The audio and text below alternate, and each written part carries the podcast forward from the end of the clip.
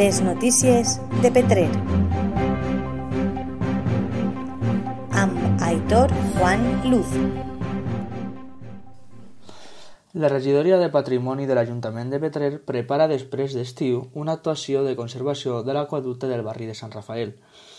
Val dir que es tracta d'un dels tres béns d'interès cultural del municipi al costat del castell Fortalesa i la finca del Poblet. L'edil de Cultura i Patrimoni, Fernando Portillo, ha explicat que han decidit dur a terme una actuació per a la conservació de tres dels anells dels sis que va tindre el seu dia. El regidor ha recordat que l'última actuació es va dur a terme al 2014 i que ja era necessària una altra.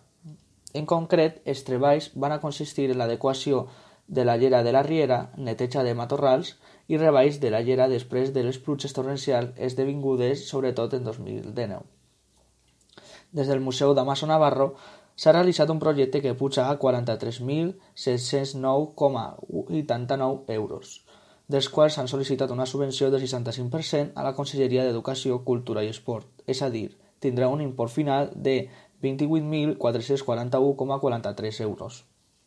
Per la seva banda, el director del Museu d'Amaso Navarro, Fernando Tendero, ha oferit alguns detalls històrics de l'aqueducte, indicant que forma part d'una gran obra d'enginyeria hidràulica duta a terme a finals del segle XVI i que des de llavors s'han realitzat diverses actuacions per a la seva preservació i amb més freqüència després de la seva declaració de bé d'interès cultural en l'any 1981.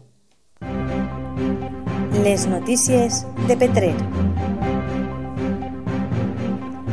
amb Aitor Juan Luz.